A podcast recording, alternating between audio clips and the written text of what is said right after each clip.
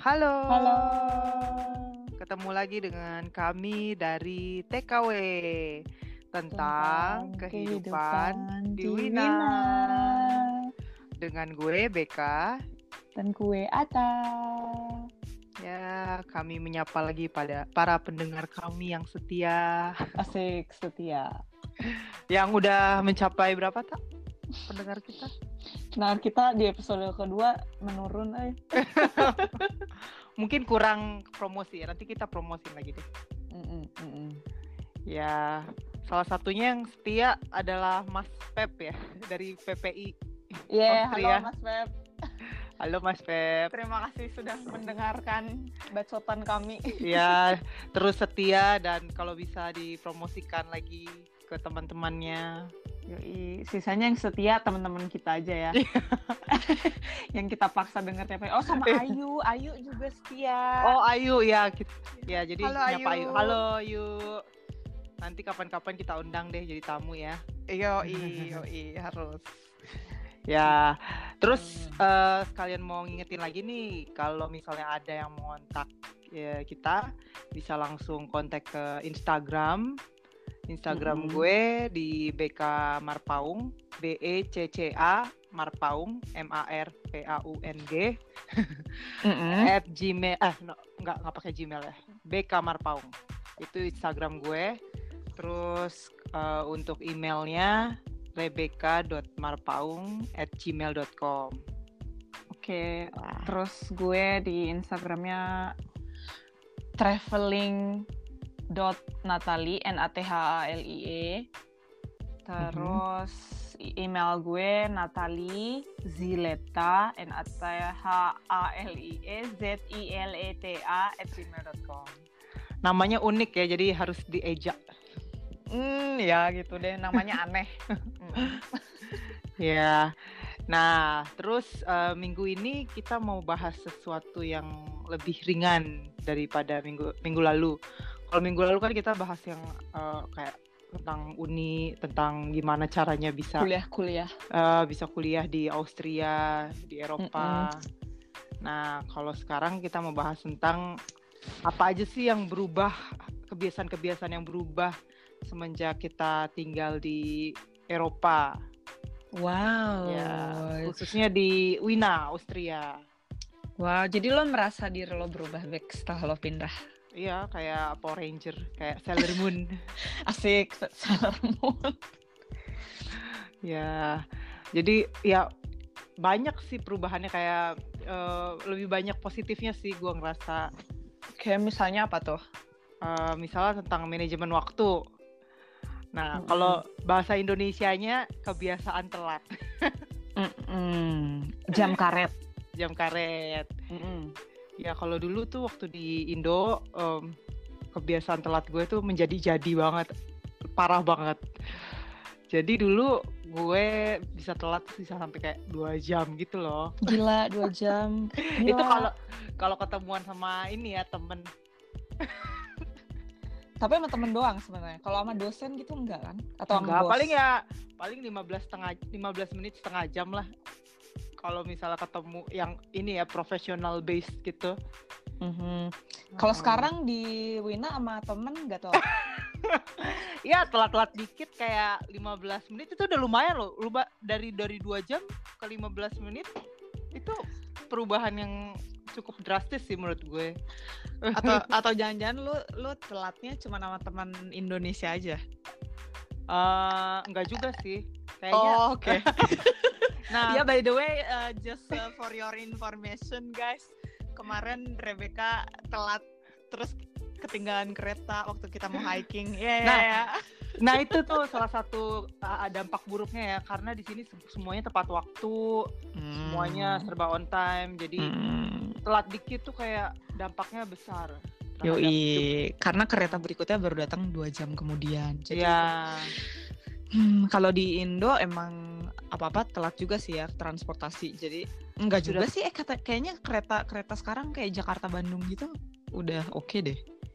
Gue nggak yakin sih, tapi kayaknya on time. ya itu kan kalau misalnya yang ini ya antar kota ya. Kalau antar kota ya mungkin mm. agak lebih uh, on time ya. Tapi kalau misalnya yang dari satu tem kayak di dalam kota mana ada. Bahkan busnya muncul aja setengah jam sekali itu udah syukur. Iya sih, iya benar juga. Iya, jadi ya memang nggak mm, harusnya nggak bisa dijadikan excuse ya. Tapi mau nggak mau uh, karena sudah terbiasa dengan gaya hidup yang seperti uh, harus um, dengan bus atau dengan uh, public transport yang tidak teratur di Indonesia jadinya ya beginilah gue ya sih dan di Jakarta juga ada macet sih ya jadi orang nggak terlalu gimana gitu kalau kita telat Iya, kayak misalnya ada excuse-nya gitu ya. Mm -mm, mm -mm. Walaupun itu selalu ada macet gitu. Yeah. Tapi emang waktu gue juga waktu ngerasa sih waktu gue gue di Jerman pertama kali itu gue ketinggalan bis juga depan hidung gue sebenarnya karena cuman karena si bisnya itu berangkat jam 9.24 terus gue karena takut-takut gue gue naik nggak ya? Ini bener nggak ya bis yang bener?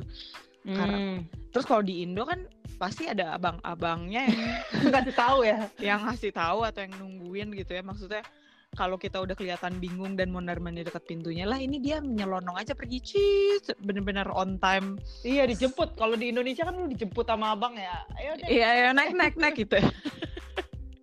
Di sini ya udah dah. Udah gitu. Yang berikutnya dua jam kemudian. Dadah ya.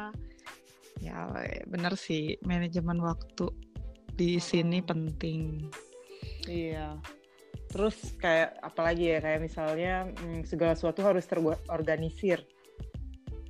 Hmm. misalnya apa apa harus bikin uh, jadwal harus kalau mau ketemuan sama dokter atau ketemuan sama uh, temen pun harus bikin uh, jadwal gitu. Jadi kayak waktu yang sudah disetujui bersama. Kayak iya benar-benar uh kayak ke dokter itu penting banget ya kalau di sini harus bikin janji apalagi dokter-dokter spesialis gitu yang kayak dokter gigi atau dokter kulit dokter yeah. THT gitu harus bikin janji dan biasanya kita dapatnya sebulan dua bulan ke depan ya baru betul. Baru eh, soalnya maklum kita pakai asuransi rakyat jadi nunggunya lama. Ya iya jadi nggak bisa langsung kucuk-kucuk datang terus minta ketemuan sama dokter tuh nggak bisa. Jadi harus ada termin. Nah, kalau bahasa Jermannya termin. Uh, bikin janji itu namanya termin. Emang kalau kalau di Indo gimana sih Bek? soalnya gue waktu di Indo kayak nggak pernah ke dokter spesialis gitu sih jadi gue nggak tahu. Kalau di Indo ya lo lo bisa langsung datang oh, uh, gitu ya? Bisa gitu iya, aja datang bisa langsung datang walaupun ya nanti ngantri. Jadi nggak tahu lu bakal dapet mungkin sejam atau dua jam lagi Oke. Okay. Gitu. Tapi nggak harus bikin termin, nggak ada itu di Indonesia. bikin bikin-bikin janji. Bikin-bikin janji. Tapi di Indonesia juga dokter kan ya privat. Uh, ada, Jadi orang dulu, bayar. Dulu gue ditanggung sama kantor sih. Cuma ada batasnya. Oh, okay. Ada batas batasnya tuh nggak sebesar asuransi di sini. Ah oke okay, oke okay, oke okay, oke. Okay gitu bahkan sama temen juga kita harus bikin janji ya maksudnya kayak yang gimana ya kalau gue ngerasanya waktu dulu di Indonesia kita bisa aja spontan gitu yuk ketemuan gitu kalau di sini tuh kayak sama orang lokal sini ya nggak bisa gitu langsung spontan gue datang ya ke rumah lo gitu oh iya hmm. iya iya mm, mm, benar harus udah nentuin jam di mana mm. dan sebagainya kalau sama orang Indo masih ini sih ya masih santai. masih santai sih kita bisa spontan tapi kalau sama orang lokal sini kayaknya nggak bisa deh. Benar hmm. benar benar. Gitu. Terus terus apa lagi kebiasaan lo yang berubah setelah pindah uh, kemari sama ini ya kalau hangout. Dulu kan kalau kita hangout di Jakarta atau di Bandung misalnya pasti kita hangoutnya di mana mm -hmm. coba di di mall di mall. kan? Gak ada pilihan lain. atau atau ngafe-ngafe cantik gitu yang adem. Iya, kafe cantik pun di mall. Maksudnya nggak ada gitu iya kafe kafe-kafe yang uh, di pinggir jalan yang oh, oke. Okay oh, kalau ya. di Bandung banyak. Kalau di Bandung banyak. Kalau di Bandung banyak ya. Hmm. Mm, di Jakarta susah ya? Nggak ada. Kayaknya ada di Kemang, tapi itu kayak ya paling cuma beberapa orang untuk orang-orang anak-anak Jakarta Selatan aja yang bisa ke sana. Ya btw lo terakhir balik kapan? Terakhir balik tuh uh, tahun lalu 2017. Oh, berarti ini aktual ya informasi lo? Iya. Yang lo baru kasih ini. Oke. Okay. Iyalah. gitu. Ya. Jadi iya, kalau iya. dulu kita pasti hangoutnya di mall. Uh, terus kayak nggak ada itu um, istilahnya hangout di taman yang ada keringetan ya kalau kita hangout di taman mm, di polusi. Polusi. Dan memang kayaknya nggak ada juga sih taman yang proper ya yang layak untuk kayak jalan santai. Ih ada tahu di Jakarta apa tuh di taman? Senopati namanya apa gue lupa. Dulu gue dulu gue suka main ke situ yang banyak uh, orang latihan biola. Oh ya gue belum pernah ke sana ah lo lo anak Jakarta eh, anak mall sih lo anak iyalah maksud gue eh gue kan sehari-hari pulang eh, ya dari rumah ke kantor kantor gue di mall ya gue hangoutnya di mall lah ngapain gue ke Taman Senopati macet menghadapi macet dua jam ke sana. Iya sih, iya sih itu Jakarta Selatan ya. Tapi itu termasuk taman hipster sih waktu itu. Tapi gue waktu gue masih kuliah tahun 2010-an gitu ya 2011. Ah iya, waktu kuliah kan waktu lo banyak ya. Jadi Iya iya iya.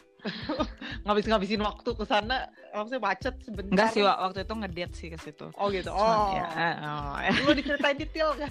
Nggak nggak usah nggak usah tapi tapi uh, emang itu kayak uh, taman yang langka sih. Maksud gue itu kayak dan lo harus emang harus niat ke situ. Bukan yang bisa sekalian lewat kayak gitu. Ah iya nggak nggak bisa spontan gitu ya. Eh ada ini uh, taman mm. yuk ke sana gitu ya kalau di sini kalau di sini janjian sama orang di taman gitu ya. Iya duduk -duduk. bisa duduk di taman atau makan es krim di taman kalau lagi summer. Kalau mm, lagi winter banget. juga bisa juga sih jalan-jalan kalau lagi mataharinya lagi bagus biasanya orang pada keluar jalan jalan-jalan di taman gitu. Nah gue gua suka gitu dengan budaya yang kayak begini karena jadinya orang nggak konsumtif Hmm. Iya sih, bisa duduk-duduk tanpa ngeluarin duit banyak ya. Iya. Nongkrong-nongkrong. Hmm. Udah gitu dapat pemandangan bagus kan. Maksudnya kayak pohon-pohonnya atau orang-orang yang lewat. cowok-cowoknya. cowok-cowoknya. Nah maksud gue kayak di mall gitu, misalnya kita masuk aja udah masuk nih ke mall. Paling nggak kan kita jajan-jajan gitu ya kayak beli apalah beli makan yang kayak burger atau apa kek gitu crabs itu aja udah keluar duit kayak lima puluh ribu pasti itu minimal ya. Iya benar mau, benar. mau nggak mau lu pasti keluar eh, keluar duit. Benar oh. benar benar. Jadi lebih hemat juga ya jatuhnya sebenarnya. Iya kalau misalnya jalan-jalan di taman atau ya yang nggak di dalam mall lah. Mm -hmm. gitu. iya. Terus terus? Nah, apalagi yang beda? oh, Ya, sama ini sih Pak Am. Kebiasaan memakai uh, ini ya public transport. Kalau dulu kan di, eh, di Jakarta eh, atau di gue pakai B ininya contohnya di Jakarta ya karena gue seumur hidup hampir setengah dari hidup gue di Indonesia itu Jakarta. Jadi mm -hmm. kalau dulu di Jakarta sih um, transportasi umumnya sangat buruk. Jadi oh, kayak iya, misal iya bis umumnya tuh uh, kayak cuma orang-orang yang ya uh, menghemat ya yang mau uh, naik bus umum. Uh, udah iya, gitu uh, jorok dan berdebu dan uh, macet. Jadi itu sangat tidak nyaman. Ke kemarin kemarin gue lihat di Twitter ada yang boker di ini di dalam kereta Jakarta Oh ya ampun. di di apa namanya komputer line ya? Komputer line gila ngeri banget. Di di ininya apa namanya? Hmm, tempat duduk atau maksudnya iya, di, bukan di, di toilet gitu. Di gerbongnya. Iya, di gerbongnya. Banyak yang nge tentang itu, ngeri ya. Lucu sih, cuman eh, nggak uh, kebayang. Ah. Tapi kayaknya getting better sih, gue berusaha melihat positifnya. Sekarang sih Maksudnya getting better di, ya. Di, di Indo, di Cuma kan Jakarta. Kan, cuma kan itu kan pasti butuh waktu ya sampai bener-bener uh, bagus gitu ya semua semua public transport mungkin kayaknya 20 tahun kali ya 20 Iya, iya, tahun iya. lagi mungkin udah udah bener-bener eh, eh, layak gitu ya. Kalau sekarang kan kayak masih masih ada tuh yang eh, bus-bus Metro Mini atau Kopaja. Oh ya yang yang nggak jelas lagi karbon monoksidanya udah Iya, mm-mm. kayak gimana. Iya ya benar. Tapi yang Iya. bikin mungkin yang bikin enak di sini juga nggak orang kaya, nggak orang biasa, semuanya pakai public transport kalau di sini. Iya, Itu sih yang benar, bikin benar. gue senang juga di sini. Jadi Iya benar. em, Orang kaya di sini nggak malu ya untuk pakai public transport. Iya, malah eh, banyak juga daerah yang nggak bisa dilewatin mobil juga kan, jadi orang lebih prefer pakai subway ya, Iya betul. pakai kendaraan umum. Karena eh, di sini susah cari parkir. Mm-mm, bener, susah cari parkir dan mahal. Parkir Ah. dibikin mahal. Ya, jadi mau nggak mau orang lebih prefer pakai public transport, lebih pub, eh, kendaraan umum. Betul, tiketnya pun nggak mahal si public transport. Iya, Di sini. eh, 300 kalau di Vienna ya, eh, di Wina itu 365 euro untuk Satu, satu, tahun. tahun. Jadi istilahnya sa- sama aja kayak satu euro per hari. Betul, satu euro per hari berarti 15 ribuan ya per hari Mm, mm. rupiah. Iya, untuk ukurannya orang sini tuh murah banget sih. Iya, bener. Ya kalau di dirupiahin nggak terlalu juga ya. cuman Ya, itu Cuman- udah, udah naik busway itu empat kali bolak-balik. eh berapa sih sekarang 3000 Masih 3.500. 3500 Iya. Oke. Ya di ya di sini itu murah banget sih itu satu euro kan kayak kayak beli kopi satu gelas ya atau roti Iya, ya segituan lah iya, iya. Murah lah pokoknya. Nah, eh, murah tapi berkualitas jadi orang betul. orang kaya pun nggak nggak nggak ngerasa malu pakai kendaraan umum Iya, kalau di Jakarta itu kan kayak bukan untuk kalangan atas ya. iya betul betul betul masih ada ya karena nggak nyamannya itu juga Karena nggak nyaman. bikin, mm. bikin yang ngapain gue capek-capek gitu Iya, kan betul. Iya, sama ya kalau misalnya pun mis- eh, kita nggak mau naik public eh, transport di Jakarta, pilihan lain ya naik taksi dan itu kan mahal. Naik gojek sekarang kayaknya orang-orang Iya naik Gojek tapi kan tetap aja naik Gojek kena debu. Kalau pilihannya dulu kan kalau mau nyaman ya naik taksi gitu ya. Nah itu pun kayak itu sebenarnya bukan pilihan yang oke menurut gue karena itu udah mahal dan eh, kena macet juga. Jadi sama aja, cuma bedanya pakai AC. iya lu bisa di bisa lanjut kerja di taksi Iya sih bisa sih.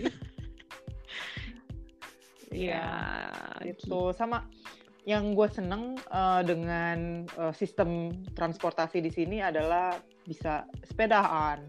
Sekarang gue kan selalu sepedahan ke mana-mana. Lu anak sepeda ya. Ba- kalau Atta kan anak-anak subway. Iya gua nggak punya sepeda juga sih. Hmm. iya kalau di sini enak banget pakai sepeda soalnya ada treknya ada ada rutenya udah disiapin untuk eh, jalur sepeda. Terus benar-benar eh, udaranya juga enak untuk sepedahan. Jadi ya gue sih senang banget sih dengan sistem transportasi di sini. Kalau di- kalau di Jakarta mana bisa pakai sepeda? Tapi emang gue juga ngerasain sih waktu gue terakhir pulang itu manajemen waktu gue langsung kacau banget karena karena gue kebiasaan di sini yang ke mana-mana cepet jadi gue waktu Mm-mm. janjian sama orang jam 7 tuh di Jakarta gue kayak baru berangkat setengah tujuan gitu apa jam Oh. 6 Iya Itu- terus ini di mana? Di Bandung atau di Jakarta? nggak di Ja- di Jakarta waktu itu di Jakarta. Jakarta. Ya gue shock shock banget sih waktu itu sampai kayak eh nggak karena udah kebiasaan. Hmm. Iya kalau di Wina apa aja sejauh apa pun setengah jam keburu ya masih keburu Ya sih Wina soalnya kota ibu kota tapi sebenarnya dia nggak terlalu gede ya nggak terlalu gede dari Paling- ujung ke ujungnya. Paling se- sebesar Jakarta Selatan Iya benar-benar sama di subway-nya tuh jur apa dari ujung ke ujungnya tuh paling kayak setengah jam 40 menitan gitu. iya benar jadi udah udah kayak sat- eh, dari ujung selatan sampai ujung utara itu kayak cuma 45 menit paling lama Mm-mm, benar benar. Iya. Ya gitu deh. Ya. Jadi uh, sistem transportasi sama manajemen waktu cukup erat ya kaitannya. Iya benar-benar karena lu juga ada aplikasi kan di sini untuk lihat uh, si kereta nyampe jam berapa, si bis nyampe jam berapa. Jadi lu bisa estimate sebelum lo berangkat, lu bakal nyampe jam berapa. Jadi enak banget sih. Dan itu sangat akurat ya. Akurat banget parah kayak akurat. menit-menitnya tuh. Mm-mm. Nggak. Kalaupun ada uh, telat, dia kasih tahu di aplikasi itu kayak uh, bakal telat berapa menit. Mm, benar, benar, benar. Gitu. Iya dan dan kalau lu punya si annual card transportasi itu kan lo bisa naik apa pun yang lo mau seberapa sering pun Iya jadi dalam kota. Jadi untung banget sih sebenarnya. Kita udah kayak promosiin ini ya year card. oh iya jangan lupa dibeli. Jangan lupa dibeli kalau udah ada yang mau tinggal di sini. Ya tapi kalau kalau mahasiswa malah lebih murah lagi kartu mahasiswanya. Semester tiket ya semester tiga. Uh, catatan mahasiswa yang umurnya di bawah 26 tahun. Iya ya. kita udah nggak bisa. Uh, ya. Daripada nebak-nebak nih umur kita berapa. Ya udahlah biarkan jadi misteri. ya gitu enak banget deh pokoknya. Ya. Nah kalau gue lihat lagi sih sebenarnya segala uh, yang udah kita bahas tadi ya manajemen waktu terus uh, kebiasaan pakai public transport mm-hmm. itu dampaknya juga ke work ini um, work life balance oh iya banget ya. banget banget banget banget banget yeah. jadi jadi gimana gimana lo dulu deh gue lupa mau ngomong ya kalau dulu ini istilahnya kayak um, keseimbangan hidup ya Keseim mm -mm. kalau misalnya dulu di Jakarta sih gue ngerasanya nggak ada itu yang namanya work life balance jadi kan okay. dulu kalau um, istilahnya orang itu nggak boleh kerja terus-terusan atau um, melakukan sesuatu 24 jam gitu ya jadi harus ada yang lain. Ada Maksud kerja. lo di sini atau in general? In general, in general. ya, in general nggak hmm. boleh orang cuma kerja aja atau belajar saja, tapi kayak uh, harus imbang, harus ada waktu untuk kerja atau untuk keluarga, uh, untuk hobi, hmm. untuk menyalurkan hobi, uh, hmm. untuk tidur. Hmm. Nah, hmm. tapi kalau di Jakarta itu sangat tidak mungkin karena ya jatuh-jatuhnya ya gue kerja terus. Kayak misalnya jadi lo semacam hidup untuk hidup kerja untuk gitu. kerja padahal kan harusnya kerja untuk hidup. Eh, ya maksudnya jangan istilahnya jangan kerja saja gitu. Iya iya iya.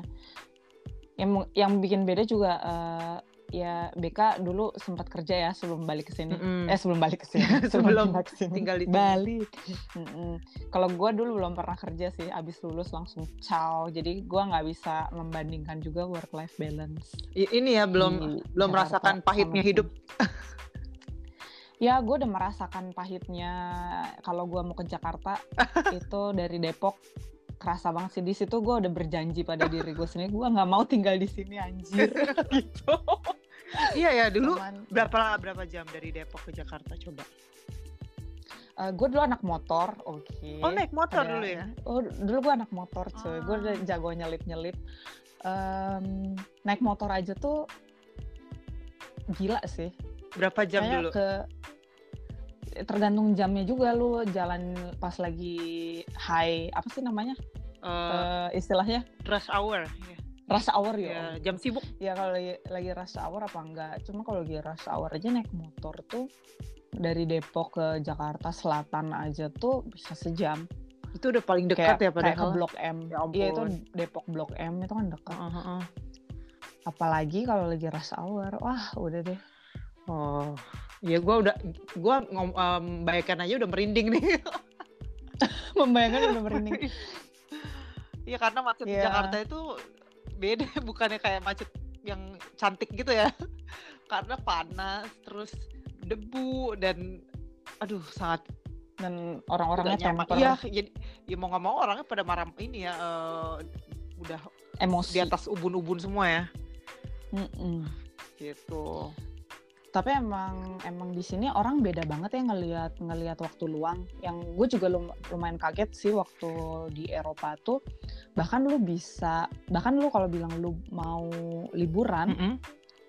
uh, urlaub ya istilahnya di bahasa Jerman itu tuh salah satu alasan yang valid untuk lu bilang enggak ke suatu janji misalnya lu ada janji nih sama sama administrasi apa gitu mm -hmm. gue waktu itu pengalaman gue ini sih uh, administrasi gue ngurus visa di sini mm -hmm terus gue bisa tuh uh, cancel atau bukan cancel kalau ganti tanggal dengan alasan karena tanggal segitu gue mau mau jalan-jalan gue mau liburan hmm.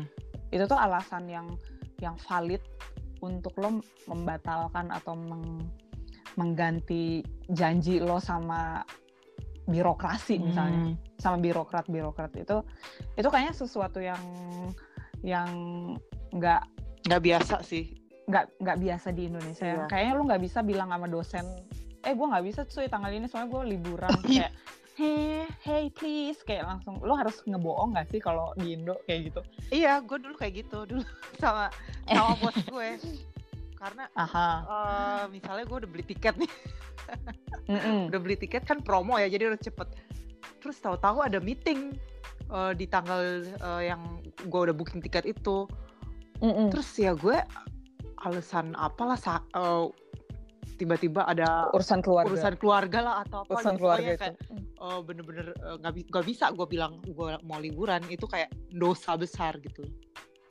Iya benar. Dan di sini itu penting. Dan bahkan kalau kayak hari Sabtu hari Minggu itu kayak lumayan tabu ya kalau lo ngomongin kerjaan atau lo diganggu sama kerjaan iya benar. Benar-benar. Ya jadi kayak um, work life balance itu keseimbangan hidup itu sangat susah didapatkan waktu gue di Indonesia, waktu gue di Jakarta. Karena uh, ya berhubungan dengan dan juga berhubungan dengan macet ya. Karena misalnya nih kita mau tetap menerapkan ya si kesema, mau meluangkan waktu dengan teman atau keluarga, kita janjian nih sama orang uh, di mana lah di misalnya dari uh, tempat gue kerja dulu di de, Jakarta Selatan, mm -mm. di daerah Rasuna Said gitu ya terus ketemuan sama temennya di daerah Taman Anggrek nih misalnya di Jakarta Barat. Wah itu udah nggak buset tuh jauh sih. Ya itu kayak sebenarnya sebenarnya nggak jauh loh itu. Enggak ya gue gue selalu di otak gue kalau Taman Anggrek tuh jauh banget. Enggak itu karena sebenarnya eh, tempat kerja gue tuh ada, ada di tengah-tengah ya. Jadi ke Taman Anggrek kalau misalnya nggak pakai macet tuh 20 menit nyampe. Tapi kalau misalnya semua orang kan uh, luangnya di Jumat malam ya Iya, iya. Itu tuh udah dipastikan rencana batal. Jadi tuh kayak sekedar wacana gitu loh. Wah, iya bener. Jadi udah ber, bener, udah bener. sering banget gue tuh kayak janji-janji palsu sama teman-teman gue ya. Misalnya kita, ayo kita ketemuan yuk. Iya kapan? Ya Jumat malam. Terus kayak udah uh, rencana-rencana pas udah mau jalan nih ngelihat ke bawah ya. Uh, aduh macetnya luar biasa. Itu kayak panjang banget. Udah deh. Akhirnya nggak jadi. jadi karena ya gimana ya kita udah capek kan udah capek kerja terus harus menghadapi macet lagi untuk ketemu sama temen. Mm, kayak gue mendingan bener. pulang deh. Hmm, sedih. Gitu jadi susah sekali untuk menjaga keseimbangan hidup. Ya. iya sama yang yang gue lihat beda juga ini ya um, gaya hidup berolahraga. Iya, di sini kayaknya kayaknya penting banget olahraga. Kayak setiap orang tuh harus melakukan olahraga. Iya dan kalau kita jalan-jalan gitu ya uh, pasti ada aja orang jogging di trotoar. Oh iya iya. Bener. Hmm. dan yang yang bikin gue seneng sih di sini kalau lo jogging nggak ada yang catcall cuy. Nggak ada yang sweet sweet gitu. Gila gue inget banget tuh kemarin gue balik lari lari berapa kali kali gue di ini di kompleks. Karena itu di kompleks rumah. Oh, kompleks rumah ya? Harusnya kan lebih tereduk ini ya. Di Bandung. Lebih high educate. Ya. Ya itu juga sampai nyokap gue akhirnya ngomong udah jangan pakai celana yang pendek. Ah udah deh. Jadi gue ngerti sih kalau orang di Indo lebih pilih uh, olahraga di fitness center ya? di fitness center dengan keadaan yang seperti itu. Dan udaranya juga nggak enak kali ya polusi. Kalau pagi-pagi sih masih segar ya. Cuma ya catcallnya itu sih di sweet sweetinnya itu yang gak nahan. Ah iya itu. Gila parah. Itu ngeselin sih. Eh, jadi kalau mau olahraga harus pakai baju tertutup. Yo iya harus. Ya tapi ya lumayan sih jadi makin keringetan mungkin ya kalau kayak di sauna. Iya. Ya sayangnya nggak bisa menikmati udara luar kalau olahraga di Indo. Tidak nyaman mm untuk olahraga mm di luar. Benar. Tapi emang kalau di sini gue ngerasa sih setiap orang tuh mau ngeluarin duit buat olahraga. Jadi setiap orang ada aja ikutan entah ikutan yoga entah ikutan uh, klub apa tinju lah apalah. Ya yang olahraga olahraga yang belum pernah kita dengar sebelumnya. ya yang dari Israel tuh apa? Uh, Krav Maga. Ah apa itu? Gue baru dengar ada ada teman gue yang ikutan tuh. Dia kayak ini sih kayak bela diri gitu. Gitu dan ya orang mau ngeluarin duit di situ gitu. Itu salah satu kebutuhan dasar mereka juga yeah. untuk berolahraga. Uh, kalau di Indonesia kayaknya mbak mbak fitness aja sih yang masih yang lagi in tapi kalau olahraga yang aneh-aneh kayaknya belum sih. Belum kayak banyak penggemarnya gitu Oke, okay. baru anak-anak hipster aja ya. Iya. Capoeira. Iya, gitu. iya, iya itu kayaknya capoeira parkour. itu yang eh, paling parkour. udah yang paling maksimal. Oh, parkour juga loh di Indo. Ya parkour gratis BTW. Di mana? Di Jakarta cuy di di Senayan. Oh. Jadi promosi parkour. Semoga ada anak-anak parkour yang denger. Oh, oke. Okay. Cool. Mm -mm. Ya, ya. Tapi ya itu belum jadi lifestyle sih emang kelihatannya. Mm -mm. Kalau dulu bos gue pernah bilang kalau dia dia orang Prancis ya. Uh, dia bilang orang Indonesia tuh aneh, orang Jakarta tuh aneh ya mereka mau bayar uh, mau bayar eh, fitness misalnya 500 ribu sebulan terus habis itu habis mereka fitness mereka bayar taksi untuk pulang ke rumah yang uh, kayak deket kayak sekitar 2 km dan mereka nggak mau jalan. Padahal kan ngapain mereka bayar fitness 500 ribu? Mereka bisa aja jalan kaki pulang pergi. Itu yang ngomong udah pernah ngerasain belum jalan kaki 2 km nah itu dia. Memang sebenarnya bos gue itu cukup sotoy. Dia dia double standar ya? Ya double standar benar. Soalnya gue juga gue juga udah ngerasain babe waktu itu um, di Jakarta gue waktu di Jakarta kemarin kan sama cowok gue mm -mm. cowok gue orang sini mm -mm. nah terus dia lihat tuh di Google Maps eh uh, ini cuman cuman satu kilo dua kilo jalan aja yuk iya yeah. gitu. dan Terus gue ah gue yang hmm, ya udahlah ayo lo rasain tuh gimana rasanya jalan di sini gila kita berapa kali susah nyebrang nggak bisa nyebrang hmm. karena karena emang itu di si Google Maps-nya ada jalannya tapi emang itu bukan buat orang jalan kaki kayak ah. lo harus harus ngelewatin mobil yang ekstrim kayak gimana ngebutnya. Iya, iya, jadi iya. ya jadi kayaknya yang bos lo bilang itu emang ya sulit diterapkan. Iya iya benar-benar. Menurut gue. Iya jadi sebenarnya ada alasannya juga sih kenapa orang uh, Indonesia nggak uh, mau olahraga di luar ya. Karena ya kalau misalnya mau nyebrang juga udah keburu ketabrak mobil duluan. Yoi, udah gitu dia misalnya udah mandi di fitness centernya, terus keluar kena asap. Iya. Jadi ya, ya gitulah. Tapi semoga lebih baik lagi. Ya mungkin seiring ya. berjalannya waktu. Kayak eh, ini positif. kita kita nggak bisa, maksudnya ini bukannya eh, kita mau bilang kalau kondisi di Jakarta atau Indonesia itu jauh lebih buruk dibanding kondisi di sini tapi kita cuma membandingkan apa yang beda gitu ya mm -mm, ya mungkin mm -mm. memang nggak bisa ya kita eh, bilang ayo dong uh, olahraga di luar atau uh, apa uh, ya menerapkan kebiasaan-kebiasaan di sini uh, di uh, untuk disamakan di dengan di kebiasaan-kebiasaan di Jakarta karena ya dari cuaca juga udah beda jadi iya benar banget jadi ya mungkin memang beda gitu ya nggak bisa disamakan mm -mm. Mm -mm. Mm -mm. nah terus sama yang gue enjoy juga setelah tinggal di sini itu adalah banyak pilihannya untuk explore uh, culture. Untuk kayak misalnya uh, nonton opera atau nonton teater. Itu banyak banget pilihannya di sini. Jadi jadi anak nyeni ya?